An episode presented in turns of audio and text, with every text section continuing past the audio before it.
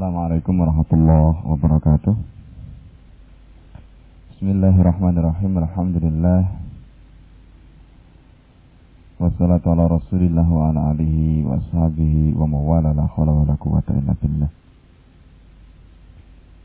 Dalam kesempatan kali ini kita akan melanjutkan pembahasan usul fikih pada bagian yang ketiga yaitu tentang kefiatul istidlal. Jadi bagaimana cara kita e, menggunakan dalil ya untuk menarik kesimpulan. Jadi istidlal itu maksudnya adalah menarik kesimpulan dengan menggunakan dalil.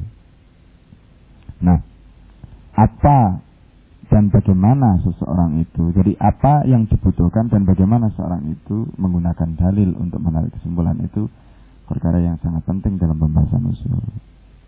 Nah karenanya yang perlu pertama kali kita pahami di dalam pembahasan usul fikih, ya, setelah kita membahas tentang dalil, maka di sini yang perlu kita pahami adalah bagaimana cara kita memahami dalil. Nah ini, jadi bagaimana cara kita memahami dalil.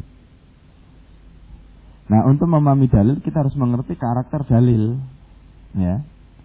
Nah karakter dalil yang kita mau pahami itu seperti apa. Fakta menunjukkan bahwa dalil itu yang kita pahami bahasanya bahasa Arab.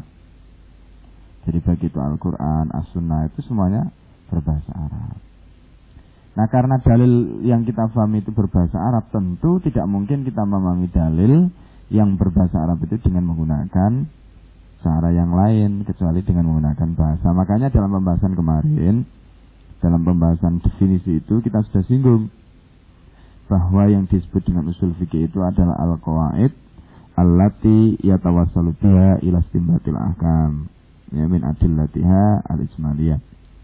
Nah, qawaid yang dimaksud di sini kan bisa meliputi dua aspek itu, aspek yang berkaitan dengan kebahasaan dan aspek yang berkaitan dengan uh, pengetahuan syariat.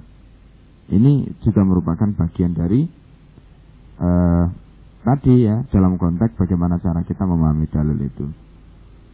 Nah karena karakter dalil yang kita tidak pahami itu berbahasa Arab tentu kebutuhan kita akan bahasa Arab menjadi sesuatu yang sangat mutlak. Makanya dalam belajar usul fikih itu mau tidak mau ya kita harus belajar bahasa Arab. Mau tidak mau itu. Ya. Nah dengan kita mengkaji bahasa Arab itu kita akan mengerti karakter-karakter uh, apa namanya dalil yang kita akan pahami. Nah, maka di sini ada paling tidak beberapa poin yang eh, berkaitan dengan misalnya bahasa itu.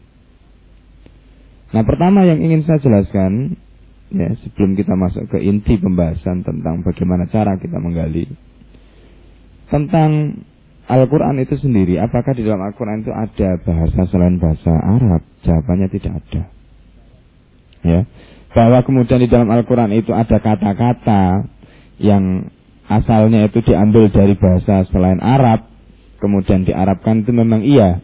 Tetapi setelah itu statusnya tetap menjadi bahasa Arab setelah diarabkan itu. Nah, itulah yang kemudian dikenal dengan istilah ta'rib. Ya, dengan istilah ta'rib, Arabisasi. Jadi misalnya e, di dalam Al-Qur'an ya kalau kita lihat itu e, ada lafat-lafat tertentu ya seperti misalnya miskat ya di dalam Al-Qur'an. Ya, itu atau misalnya istabrok itu juga merupakan lafat yang asalnya bukan dari bahasa Arab. Kemudian diarabkan dan menjadi lafat Arab dan begitu sudah diarabkan maka kalau tadi muncul pertanyaan apakah dalam bahasa Al-Qur'an itu ada bahasa selain Arab dan tidak ada. Sudah diarabkan semua. Jadi sudah menjadi bahasa Arab. Nah, itu satu hal yang perlu kita pahami. Dalam bahasa Arab itu ada prinsip ta'rif tadi. Jadi ada prinsip Arabisasi itu. Nah, Arabisasi itu biasanya prosesnya itu dikembalikan kepada e, misalnya e, wazan ya bentuk apa istilahnya paradigma dalam dalam bahasa Arab ya. Jadi wazan mauzun. Jadi mengikuti itu fa'ala yafulu fa'lan wa fa'alan, kemudian fa'ala fa'ala fa'alu dan sebagainya itu. Itu. Nah, jadi proses pengarabisasian itu ya dilakukan dengan cara tadi mengikuti paradigma atau wazan tertentu. Jadi tidak kemudian seenaknya. Gitu. Nah ini yang pertama, jadi bahwa di dalam Al-Quran tidak ada bahasa yang lain selain bahasa Arab. Nah, karena di dalam bahasa Arab itu mengenal istilah ta'arif tadi, maka bahasa Arab itu sangat kaya. Sangat kaya sekali. Sehingga dia bisa merespon. Ya, dari kata yang asalnya bukan Arab menjadi Arab. Seperti kata dewan, ya, diarabkan menjadi daiwan, kemudian diwan. Ya, itu juga begitu menurut Ibnu Sikiyat itu bukan dari bahasa Arab asalnya. Ya, itu sebenarnya diambil dari bahasa uh, ada yang mengatakan dari bahasa Persia, ada yang mengatakan dari bahasa Romawi. Nah, ini juga demikian. Jadi karena kekayaan bahasa Arab dengan paradigma wazan apa wazan mauzun tadi itu maka hal-hal yang atau kata-kata yang baru itu bisa diadopsi kemudian diarabkan sehingga menjadi uh, Arab. Tetapi ada juga kata yang kemudian ditulis dengan huruf Arab, tetapi tidak mengikuti wazan dan karenanya tidak bisa disebut dengan kata Arab meskipun tulisannya Arab. Contoh misalnya al-komputer, ya, misalnya televisiun itu bukan bukan kata Arab, ya, meskipun ditulis dengan menggunakan huruf Arab. Komputer dikasih al, ya. Nah, kenapa? Karena itu bukan sebenarnya bukan merupakan hasil takrif pengarapan, tetapi dari kata aslinya cuma kemudian ditulis dengan huruf Arab gitu saja. Televisiun, misalnya automobil, misalnya kayak begitu-begitu itu.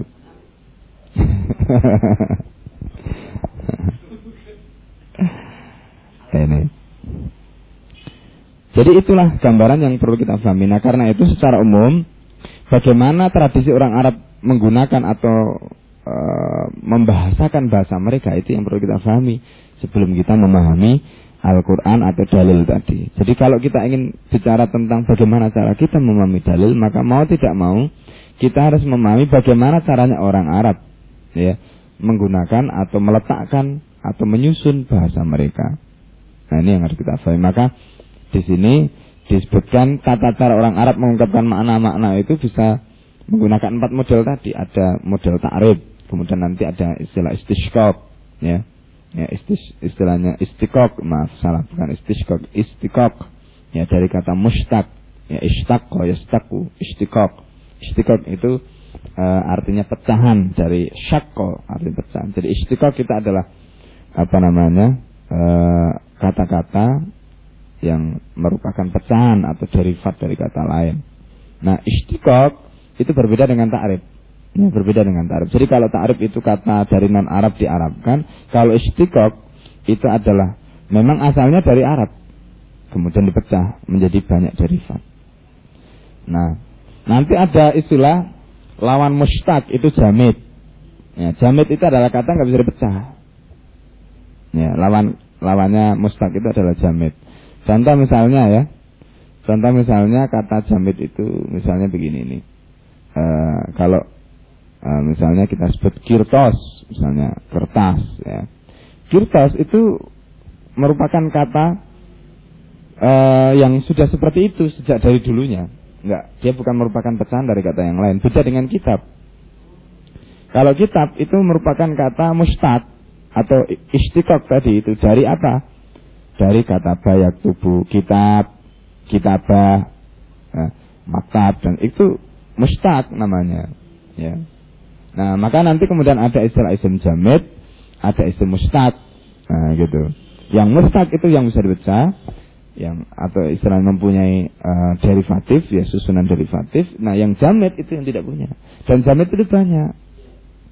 Nah kita perlu mengetahui istilah jamid dan mustaq. Kenapa? Karena nanti kita perlu untuk apa? Untuk melakukan kajian analisis terhadap dalil. Misalnya begini ya. Ketika kita bicara tentang contoh kasus eh, tamrun misalnya. Tamr ya yang berarti apa? kurma ya, ada tamr, ada rotop. Ya, jadi kalau tamr itu kurma kering, kalau rotop itu kurma basah. Nah, tamr rotop itu adalah isim samit dia tidak bisa dipecah. Karena dia merupakan isim jamid nanti mempunyai konsekuensi yang berbeda dengan mustaq. Gitu. Itu. Ya, berbeda dengan mustaq. Nah, makanya ketika kita anda kan pernah membaca tulisan saya tentang tafsir ya, ketika kita bicara tentang tauhid misalnya. Tauhid itu dari kata tauhid, tauhid, ya, kemudian menjadi tauhid. Ya, jadi dengan proses adanya ibdal. Jadi adanya perubahan, pergantian kata satu dengan yang lain sehingga menjadi tauhid itu. Nah, itu berasal dari kata togo, ya tuhi, tuhian, itu satu akar semua. Jadi Tawud itu sebenarnya bukan merupakan isim jamid. Dia mustad. Apa konsekuensinya jamid dengan mustad? Jadi kalau jamid tadi itu nanti dalam pemahaman kita. Jamid itu tidak bisa kita ambil derivatnya karena nggak bisa diambil derivatnya, dia harus diambil begitu saja. Maka misalnya sebagai dari contoh, ketika dalam kasus zakat kan, Anda juga bisa membaca tulisan saya tentang misalnya zakat profesi. Nah di situ kenapa misalnya tidak bisa dikiaskan zakat profesi dengan kasus misalnya zakat eh, katakanlah eh, tanaman misalnya untuk para petani. Ya sebab karena zakat itu disebutkan di dalam hadis itu dengan menggunakan lafat-lafat jamit.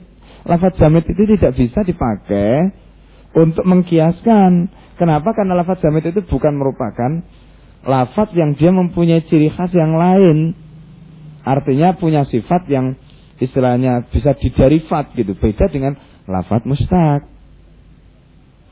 Nah ketika kita bicara tentang togut, togut itu merupakan lafat mustaq yang dia pada dasarnya merupakan lafat yang mempunyai ciri khas atau mempunyai sifat yang itu ketika disebutkan dalam bentuk yang lain, ya katakanlah fiilnya atau apa, ketika dia mempunyai sifat yang sama dengan itu, ya maka berarti bisa dikiaskan nanti dengan lafat tadi. Nah ini beda Ya. Nah di situlah pentingnya kita menguasai kata jamit, kata mustaq. Jadi bukan berarti nggak ada gunanya. Memang kalau orang belajar bahasa Arab nggak ngerti pentingnya penggunaan kata itu. Jadi belajar bahasa Arab itu seperti nggak ada gunanya.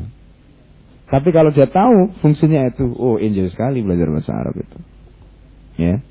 Nah ini juga anda nanti akan rasakan setelah belajar usul fikih. Oh ternyata begitu. Jadi anda menjadi nikmat gitu mengkaji oh ini berarti saya harus menguasai kata jenis ini, ini, ini saya harus menguasai karena begini, begini. Itu semuanya ada.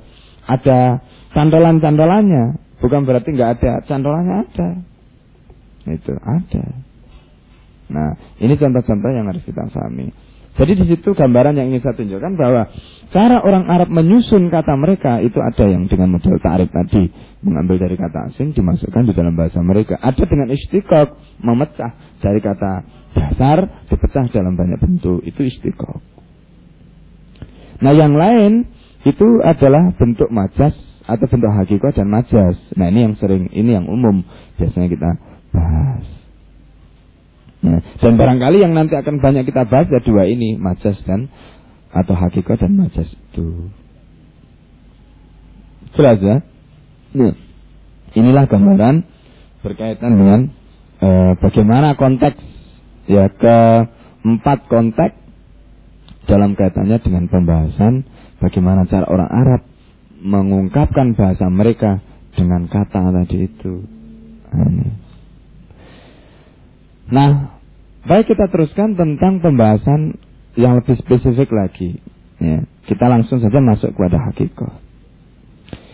Yang disebut dengan hakikat, yang disebut dengan hakikat itu adalah makna sebenarnya. Nah, lawan dari hakikat itu adalah majas. Majas adalah makna kiasan.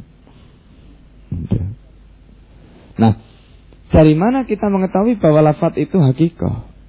Pada dasarnya hukum asal lafat itu bermakna hakikat. Dia tidak bermakna majas. Kecuali kalau ada korina, ada misalnya indikasi yang menunjukkan makna itu adalah makna eh, majas. Nah pada dasarnya setiap lafat itu uh, kalau kita katakan ya mananya tadi jadi bermakna hakiko. Nah kemudian hakiko yang perlu kita pahami di dalam kajian uh, bahasa dan juga kajian syarak itu nanti uh, bisa kita klasifikasikan menjadi tiga ya. Sebenarnya klasifikasi umumnya itu hanya ada dua saja. Jadi di situ ada hakikoh uh, lugawiyah ya dan ada hakikat syar'iyah. Itu. Tapi biasanya ketiga-tiganya juga dipakai. Jadi ada hakikah lughawiyah, ada hakikah urfiyah dan ada hakikah syar'iyah. Nah, apa yang dimaksud dengan hakikah lughawiyah? Hakikah lughawiyah itu adalah makna hakiki menurut ahli bahasa, menurut kamus. Nah, itu hakikah lughawiyah.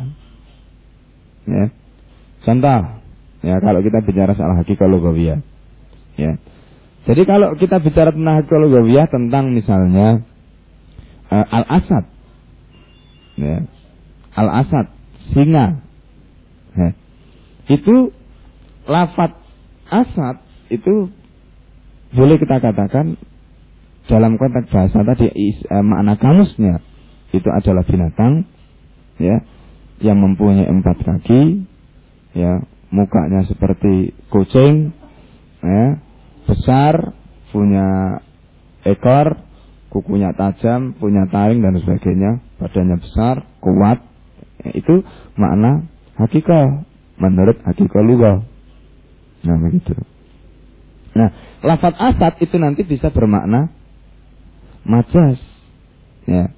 Misalnya, kalau dikatakan, ya, katakanlah, uh, contoh ya, ketika asad itu dipakai sebagai satu persamaan dari sifat manusia, maka itu nanti maknanya tidak lagi asad yang sebenarnya. Misalnya, anta asad, kamu singa. Nah, itu maksudnya bukan berarti anda itu singa dan bukan berarti kemudian Anda itu punya apa namanya taring, punya nah, tidak bukan itu maksudnya, tetapi asad di sini maksudnya adalah majas. Nah, maksudnya apa? Ya, mungkin terjangannya seperti singa, mungkin keberaniannya seperti singa, mungkin nah begitu itu anta asad.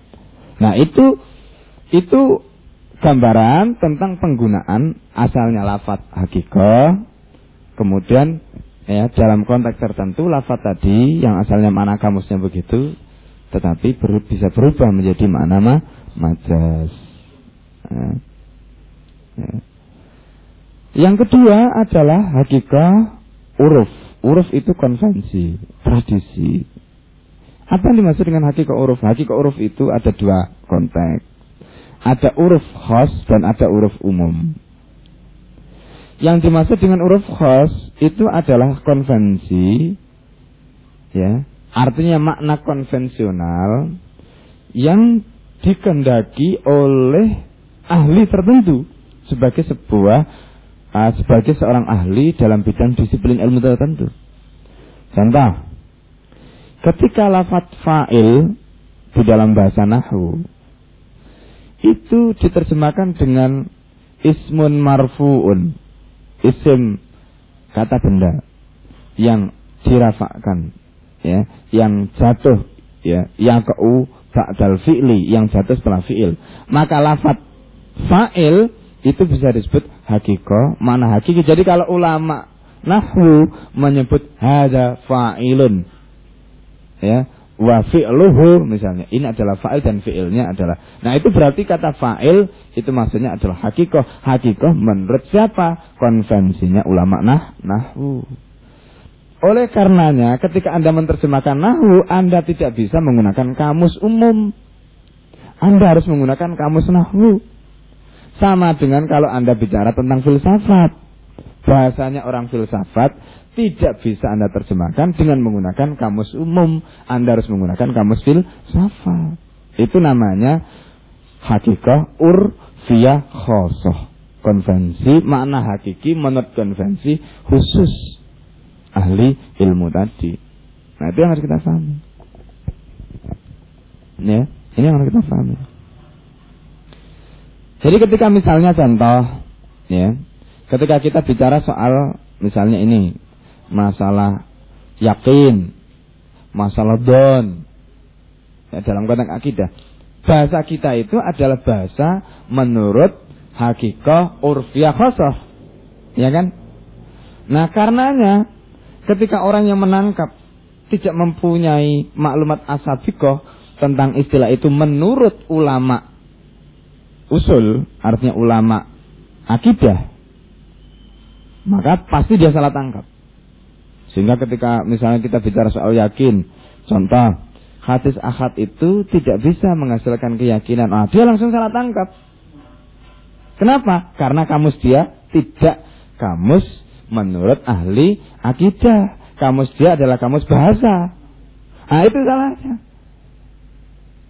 Jadi Anda tahu kan di mana letak salahnya orang itu? Karena dia nggak belajar kamus ya istilah yakin tadi itu dibaca dengan menggunakan kamus umum bukan kamusnya ahli akidah itu jelas misinterpretasi pasti sampai sekarang. nah, jadi di situ persoalannya. Ya. Jadi Anda ngotot sekuat-kuatnya tetap nggak akan bisa ketemu sebab kamusnya lain. Maklumat tasawufnya berbeda. Nah, di situ. Jadi kalau Anda ingin ketemu dulu, harus samakan dulu. Yang Anda pakai ini kamus apa? Nah, begitu. Baru nanti bisa ketemu. Gitu loh. Itu penting. Nah, ini kita baru bicara soal uh, hakikoh, urfiyah khosoh. Itu berlaku umum teori itu. Ya, karena konsep hakikoh lughawiyah, hakikoh urfiyah khosoh itu berlaku secara umum. Sama begini.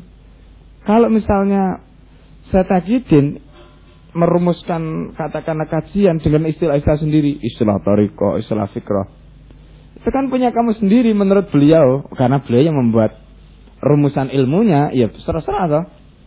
Bahwa kemudian nanti ada orang memakai istilah itu ya itu perkara lain. Tapi yang jelas orang lain tidak boleh menerjemahkan istilah toriko itu dengan kamus umum nggak bisa. Harus merujuk kepada kamus yang dimaksud oleh penggagasnya. Ya itu biasa itu termasuk dalam kategori hakiko urfiah kho khoso karena orang beliau membuat kok nah ini Nah logikanya nggak bisa seperti tadi. Apa sih susahnya nerjemahin bukunya? Tadi Zenan Abani misalnya.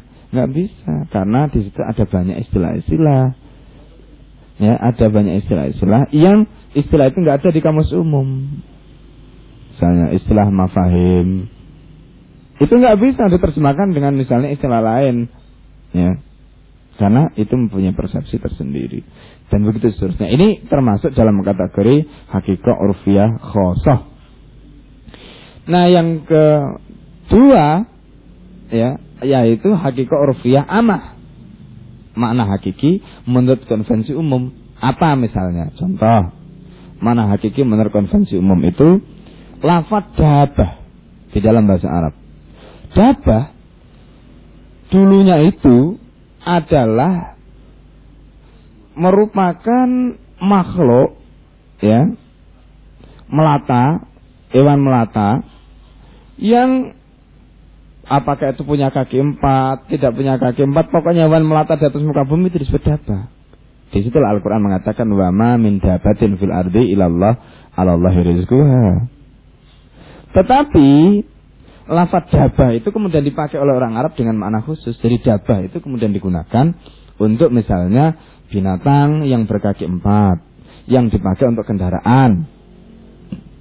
Itu dabah ya. Jadi itu kemudian menjadi konvensi umum karena orang dari bahasa dari makna bahasa tadi itu diri posisi maknanya dari makna bahasa menjadi makna konvensi umum nah ini makna hakikoh jelas ya jadi di situ hakikoh lughawiyah, hakikah urfiyah. Nah, sekarang yang ketiga adalah hakikah syariah. Apa yang dimaksud dengan hakikah syariah itu? Hakikah syariah adalah makna hakiki ya, makna hakiki yang dinyatakan oleh syarak. Itu hakikah syariah. Baik itu syarak secara langsung menjelaskan ya ataupun mutasyari. Nah ini. Atau biasanya kita sebut yang kedua, yang kedua tadi mutasyari itu itu biasanya kita sebut dengan fi urfil mutasyariin. Berarti itu sebenarnya bisa masuk dalam apa namanya hakikoh urfiah nanti masuk di sana. Bukan hakikoh syariah. Nah hakikoh syariah itu umumnya berkaitan dengan lafadz syar'i. Ismun syar'i. Contoh jihad sholat zakat haji saum ya itu hakikoh syariah Artinya pembuat syarak Allah dan Rasulnya telah menggunakan lafat yang asalnya berarti bahasa. Sholat asalnya doa. Jihad asalnya bekerja keras. Dari kata juhdu. Kemudian puasa artinya imsak. Ya, menahan diri. Kemudian apa namanya uh, apa yang lain. Nah, di sini kita bisa menyimpulkan yang asalnya makna bahasa tadi telah dikonversi penggunaannya oleh pembuat syariat baik itu Allah maupun Rasulnya dari makna bahasa kemudian dikonversi kepada makna syarak. Nah, dengan cara dijelaskan maksudnya begini, begitu, nah barulah kemudian makna bahasa tadi berubah. Kemudian akhirnya yang dominan adalah makna syarak. Nah karena itu ketika kita bicara tentang hakikat syariah itu harus mau tidak mau merujuk kepada dalil. Karena yang telah melakukan istilahnya mengkonversi dari makna bahasa ke makna syarak itu adalah syarak dan karena dia mengkonversi maka bagaimana proses konversinya itu kita harus tahu sehingga dari situ kita bisa menjelaskan bahwa sholat itu maknanya begini puasa maknanya begini jihad maknanya begini haji maknanya begini zakat maknanya begini karena dalil-dalil ini. Begitu caranya. Tanpa itu kita tidak bisa. Nah di situlah maka baru kita sebut nanti bahwa lafaz-lafaz tadi itu merupakan ismun syar'i yang telah dikonversi dari mana bahasa kemudian akhirnya menjadi makna syarat. Nah, baik itu hakikoh lughah, hakikoh syariah atau hakikoh urfiyah, semuanya itu makna hakiki, artinya makna yang sesungguhnya dan bukan makna majas. Jadi ketika sholat diartikan bukan doa tetapi ibadah maksusoh atau ibadah makhdoh itu bukan majas. Tapi itu mana hakiki? Hakiki indah siapa? Indah syarak. Nah begitu. Nah. Jadi begitu gambarannya. Nah kemudian ada ulama-ulama syarak atau ulama-ulama syariah yang kemudian mereka menciptakan istilah-istilah. Nah, istilah-istilah ini yang kemudian nanti kita sebut tadi itu dengan istilah yang fi urfil mutasyarriin. Nah, itu berbeda. Meskipun tetap konteksnya bisa kita sebut sebagai hakikoh juga. Tetapi yang kedua ini yang disebut fi urfil mutasyari'in tadi itu hakikoh urfiyah sebenarnya. Lebih tepat begitu, masuk pada hakikoh urfiyah dan bukan masuk pada hakikoh syariah. Meski pembahasannya adalah pembahasan dalam masalah syara. Di situ ada perbedaan. Ya, ada perbedaan. Nah, jadi di sini ya hal-hal yang perlu kita pahami. Contoh misalnya, ya, ketika kita bicara tentang e, misalnya fikih, contohnya itu ya. Nah, fikih itu adalah istilah kalau kita lihat dari segi penjelasan syarak itu kita nggak akan menemukan penjelasan syarak seperti apa. Tapi kemudian istilah fikih itu dipakai oleh ulama-ulama syariah. Maka kemudian biasanya diistilahkan begini. Al-fikhu inda urfil mutasyarri'in. Jadi fikih menurut konvensi. Jadi karena itu istilah fikih itu bermakna hakiki jika kita jelaskan dengan menurut konvensi ulama fikih. Karena itu menjelaskan fikih dengan menggunakan pengertian bahasa tidak bisa karena sudah dikonversi dari mana bahasa menjadi istilah konvensional setidaknya menurut ulama fi fikih. Jadi seperti itu. Ya, seperti itu. Nah, ini pembahasan tentang lafaz hakikoh. Nah, majas sekarang. Yang kedua. Apa dimaksud dengan majas? Majas adalah penggunaan lafaz ya yang keluar dari makna hakikinya atau disebut dengan makna kiasan. Majas itu berbeda dengan kinayah. Ya, majas itu berbeda dengan kina kinayah. Apa bedanya majas dengan kinayah? Begini. Kalau kinayah itu bisa diartikan dengan makna hakiki. Sekaligus bisa diartikan dengan makna majas. Tetapi kalau makna disebut majas kalau makna itu tidak bisa diartikan makna hakiki kecuali satu makna yaitu majas saja. Nah itu. Contoh, ya. Kalau kita melihat hadis Rasulullah sallallahu alaihi wasallam yang mengatakan afala nunafidhum bisafi ya Rasulullah? La ya. Illa ya, ya jadi Rasulullah mengatakan la ma'aqamu fikumus shalah nah selama mereka masih menegakkan sholat nah lafaz sholat di dalam konteks hadis ini itu disebut dengan kinayah karena bisa berarti hakiki dalam arti penguasanya itu masih menegakkan sholat. Tapi juga bisa berarti majas dalam arti melaksanakan hukum Islam. Nah, itu disebut kinayah. Tidak disebut majas. Nah, tidak disebut ma majas. Tetapi kalau Al-Quran mengatakan Innallaha wa malaikatahu yusalluna ala nabi Itu disebut majas Kenapa? Karena yusallun ala nabi itu nggak bisa diartikan kecuali makna satu, makna majas saja. Tidak bisa diartikan antara majas dan hakiki. Kalau diartikan hakiki berarti Allah itu sembahyang kepada Nabi, sholat pada Nabi, malaikat sholat pada Nabi, padahal itu nggak bisa. Nah itu harus diartikan satu makna saja yaitu majas. Per, berarti pengertiannya adalah pengertian kiasan. Apa maksudnya? Maksudnya adalah Allah, ya, ya Allah itu apa namanya uh, maksudnya di sini mendoakan atau memberi ampunan Rasul kepada Rasul. Kemudian uh, malaikat memintakan ampunan. Uh, jadi dalam konteks itu keluar dari mana sholat dalam arti sholat ya dengan pengertian syarak maka yusalluna ala nabi itu bisa kita sebut sebagai majas karena makna yusalluna tidak bisa diartikan dengan makna hakiki yaitu sholat. Tetapi dengan makna bahasanya. Ya. Atau juga bisa kita katakan dalam konteks ini berarti makna syarat tadi itu ya makna syarat tadi yaitu sholat itu dikalahkan dengan makna bahasa ya, karena adanya korina itu atau bisa kita juga katakan bahwa makna tadi itu adalah makna majas disebabkan karena adanya kori korina. Makanya kemudian muncul kaidah begini. Al aslu fil kalam lil hakikoh ya makna asal kalam itu adalah bermakna hakiki kecuali jika ada korina. Nah, kecuali jika ada korina yang memalingkan makna hakiki.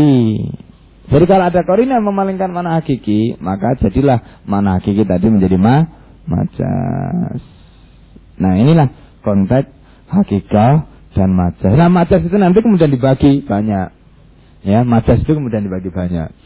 Banyak sekali majas ini. Eh? Ya di dalam buku usul banyak pembahasan tentang majas. Ada. Ya. Jadi di dalam pembahasan majas itu banyak sekali.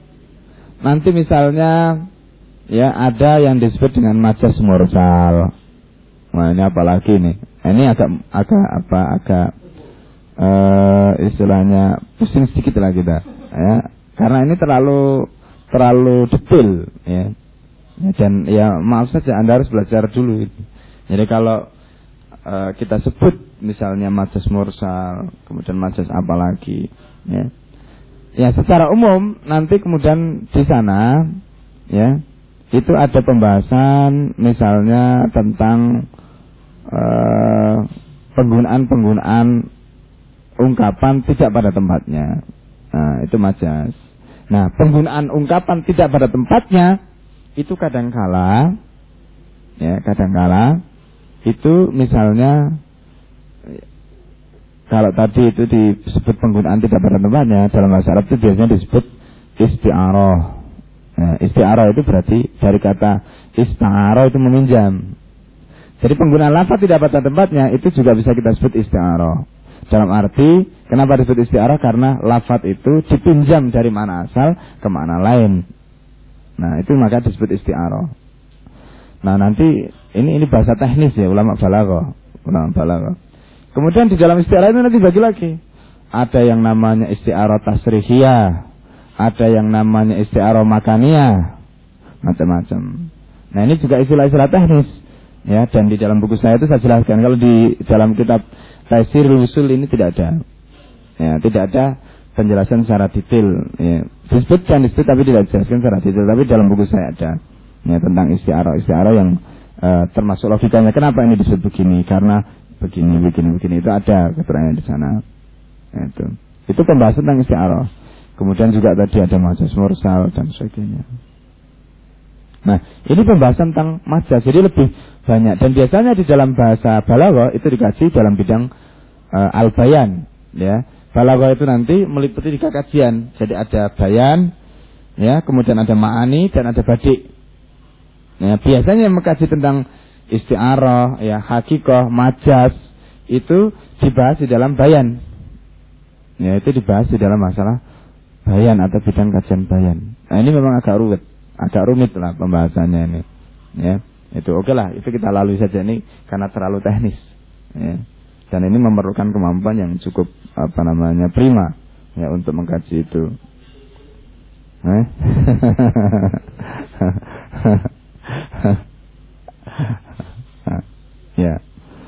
Uh, kemudian berikutnya ya itu tadi hakikah majas. Nah, berikutnya berikutnya kalau kita kaji dalam konteks istiqok itu sudah begitu nanti. Jadi ada istilahnya kan tadi kita sudah bicara tentang takrif. Nah, sekarang kita bicara tentang istiqok ini. Jadi bagaimana uh, memecah atau menderivat ya kata dari asalnya. Nah itu nanti ada istikok yang disebut dengan istikok istikok sugro ada yang kubro. Ya macam-macam. Ya. Nah istikok kubro itu seperti apa, sugro seperti apa. Ya. Misalnya contoh begini ya. Lafat fasaro itu sebenarnya bisa diambil dari kata safaro, ya, dari kata rafasa. Lo kok bisa? Nah, ini kan jauh sekali tuh. Fasaro tafsir bisa diambil dari kata safaro. Kemudian rofasa. Atau farosa. Nah, bisa dibawa balik itu. Nah yang proses seperti ini itu nanti disebut dengan istiqo kubro. Nah, istiqo kub, kubro. Nah ini ini juga lebih teknis lagi. Lebih teknis lagi. Nah, anda bisa kaji nanti lebih jauh dalam pembahasan-pembahasan yang lain. Tapi yang jelas ini lah gambaran bagaimana orang Arab mengungkapkan bahasa mereka dengan menggunakan kata. Ada yang takrif, tadi itu hakiko majas, istiqob. Nah itu semuanya adalah cara bagaimana orang Arab mengungkapkan itu. Nah ini secara umum ya pembahasan tentang e, masalah apa namanya Bagaimana cara kita memahami bahasa Arab? Ya, bagaimana cara orang Arab menggunakan itu? E, barangkali tidak banyak yang saya ingin jelaskan karena ini e, apa namanya terlalu istilahnya rumit ya terkait dengan masalah penggunaan. Nah, kalau Anda ingin tahu contoh banyak ya bisa dibaca di dalam kitab ini. Ya. Nah, yang lain juga yang lain juga kalau kita kaji bagaimana orang Arab itu kemudian menyusun kata per kata, huruf per huruf menjadi kata.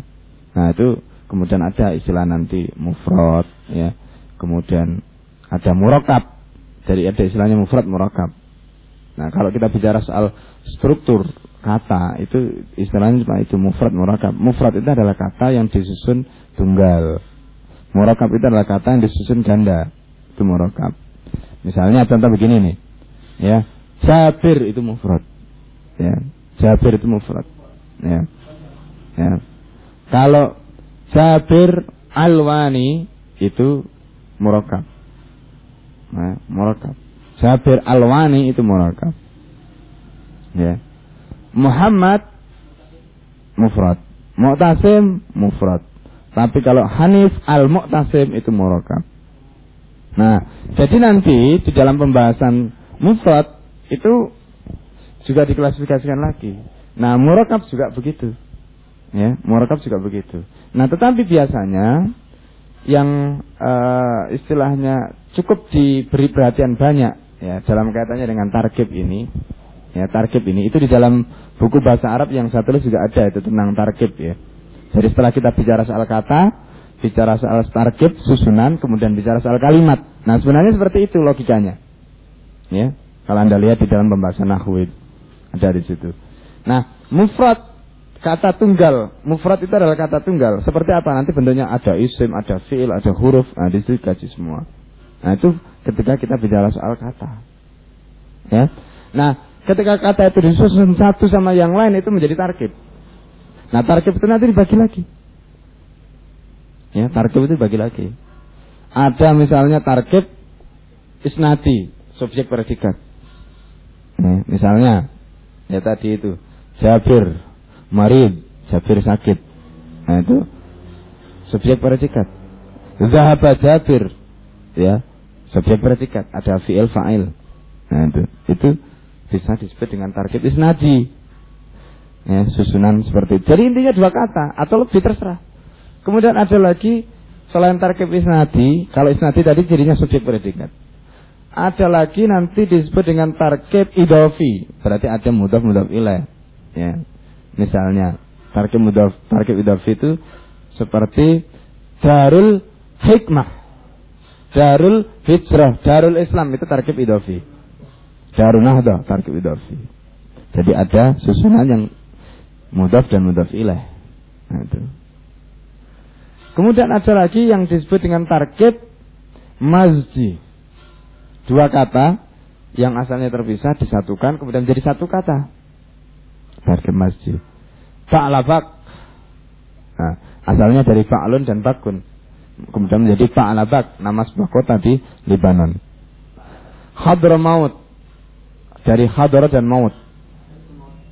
Nah, itu. Itu target masjid. Kemudian ada target atfi. Ya, atof. Ya. Satu diatafkan dengan yang lain. Seperti al-kodok wal qadar. Nah, itu target atfi. Ya. Ada dua kata. Disusun dengan atof. Ada wawu atofnya. Ada huruf atofnya di situ. Al-kodok wa al-qadar. Kemudian ada lagi target apa lagi? Wasfi. Target yang berupa sifat tadi. Ya, seperti Jabir Al-Wani tadi itu, itu wasfi. Jabir Al-Medani. Ya. Atau misalnya uh, Hanif Al-Mu'tasim. Nah, itu itu bisa masuk dalam dalam target wasfi. Jadi susunan yang ada sifat dan mausuf. Nah, itu semuanya pembahasan tentang target. Itu harus kita kaji di dalam pembahasan tentang bagaimana orang Arab menyusun kata dalam sebuah atau menyusun huruf menjadi kata, menyusun kata menjadi target, menyusun target menjadi kalimat. Itu harus kita kasih. Nah, di situlah makanya saya menyusun bahasa Arab, ya, dalam kajian tadi itu, ya, dalam kajian tadi itu, dengan strik, dengan apa namanya, uh, susunan seperti itu, logika seperti tadi itu lebih mudah. Jadi kenapa misalnya kita membahas tentang nahu dengan cara seperti itu misalnya ya. Jadi mulai dari kata, mulai dari target kemudian baru bahas kalimat. Kalau biasanya ulama nahu tidak langsung masuk kalam, masuk kalimat. Nah, padahal untuk masuk kalimat itu kita harus tahu dulu kata, kita harus dulu target, kita harus baru tar tahu kata, tahu target, baru tahu kalimat. Jadi kalau langsung kalimat dulu ini namanya terbalik. Nah, jadi sebenarnya logikanya begitu. Ya. Nah cuma memang begini susahnya kalau orang nggak terbiasa begitu, oh ini kok susah sekali karena sudah biasa dengan logika terbalik tadi, eh, dengan logika terbalik tadi dari yang sudah lengkap dulu, ya ini kan nggak apa-apa, induksi dan deduksi kan begitu ya, logika terbalik itu. Ya, ya, ya terserah lah mau pakai metode yang mana. Ya. Gitu. Nah ini gambarannya begitu.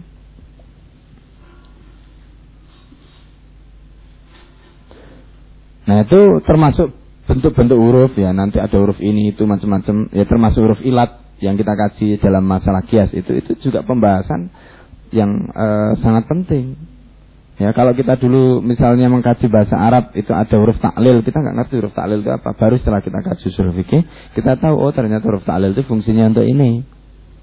Ya fungsinya untuk mengetahui ini ilat dan tidak. Nah dengan adanya huruf taklil itu maka kita jadi tahu oh ini berarti ilatnya ilat sorohah misalnya begitu. Oh ini nanti ilatnya ilat dalalah. Nah, nah justru di situ kita pentingnya untuk mengetahui itu. Loh kalau nggak ngerti huruf-huruf gimana mau cari ilat? ya kan nggak tahu. Nah ini, ya. Jadi di situlah pentingnya ya mengkaji tentang tadi. Nah, jadi gambarannya begitu secara umum, ya gambarnya seperti itu. Baik, ya. Silakan kalau ada pertanyaan. Ya, meskipun pertanyaannya ini keluar dari konteks, ya. Tapi ya karena ini pembahasan yang sudah kita lewati, insya Allah saya jelaskan. Jadi kalau kita bicara tentang ilat, bedanya ilat dengan sebab, itu memang berbeda. Ya. Jadi kalau kita bicara soal ilat, ilat itu merupakan sifat mendobit. Yang dimaksud dengan sifat mendobit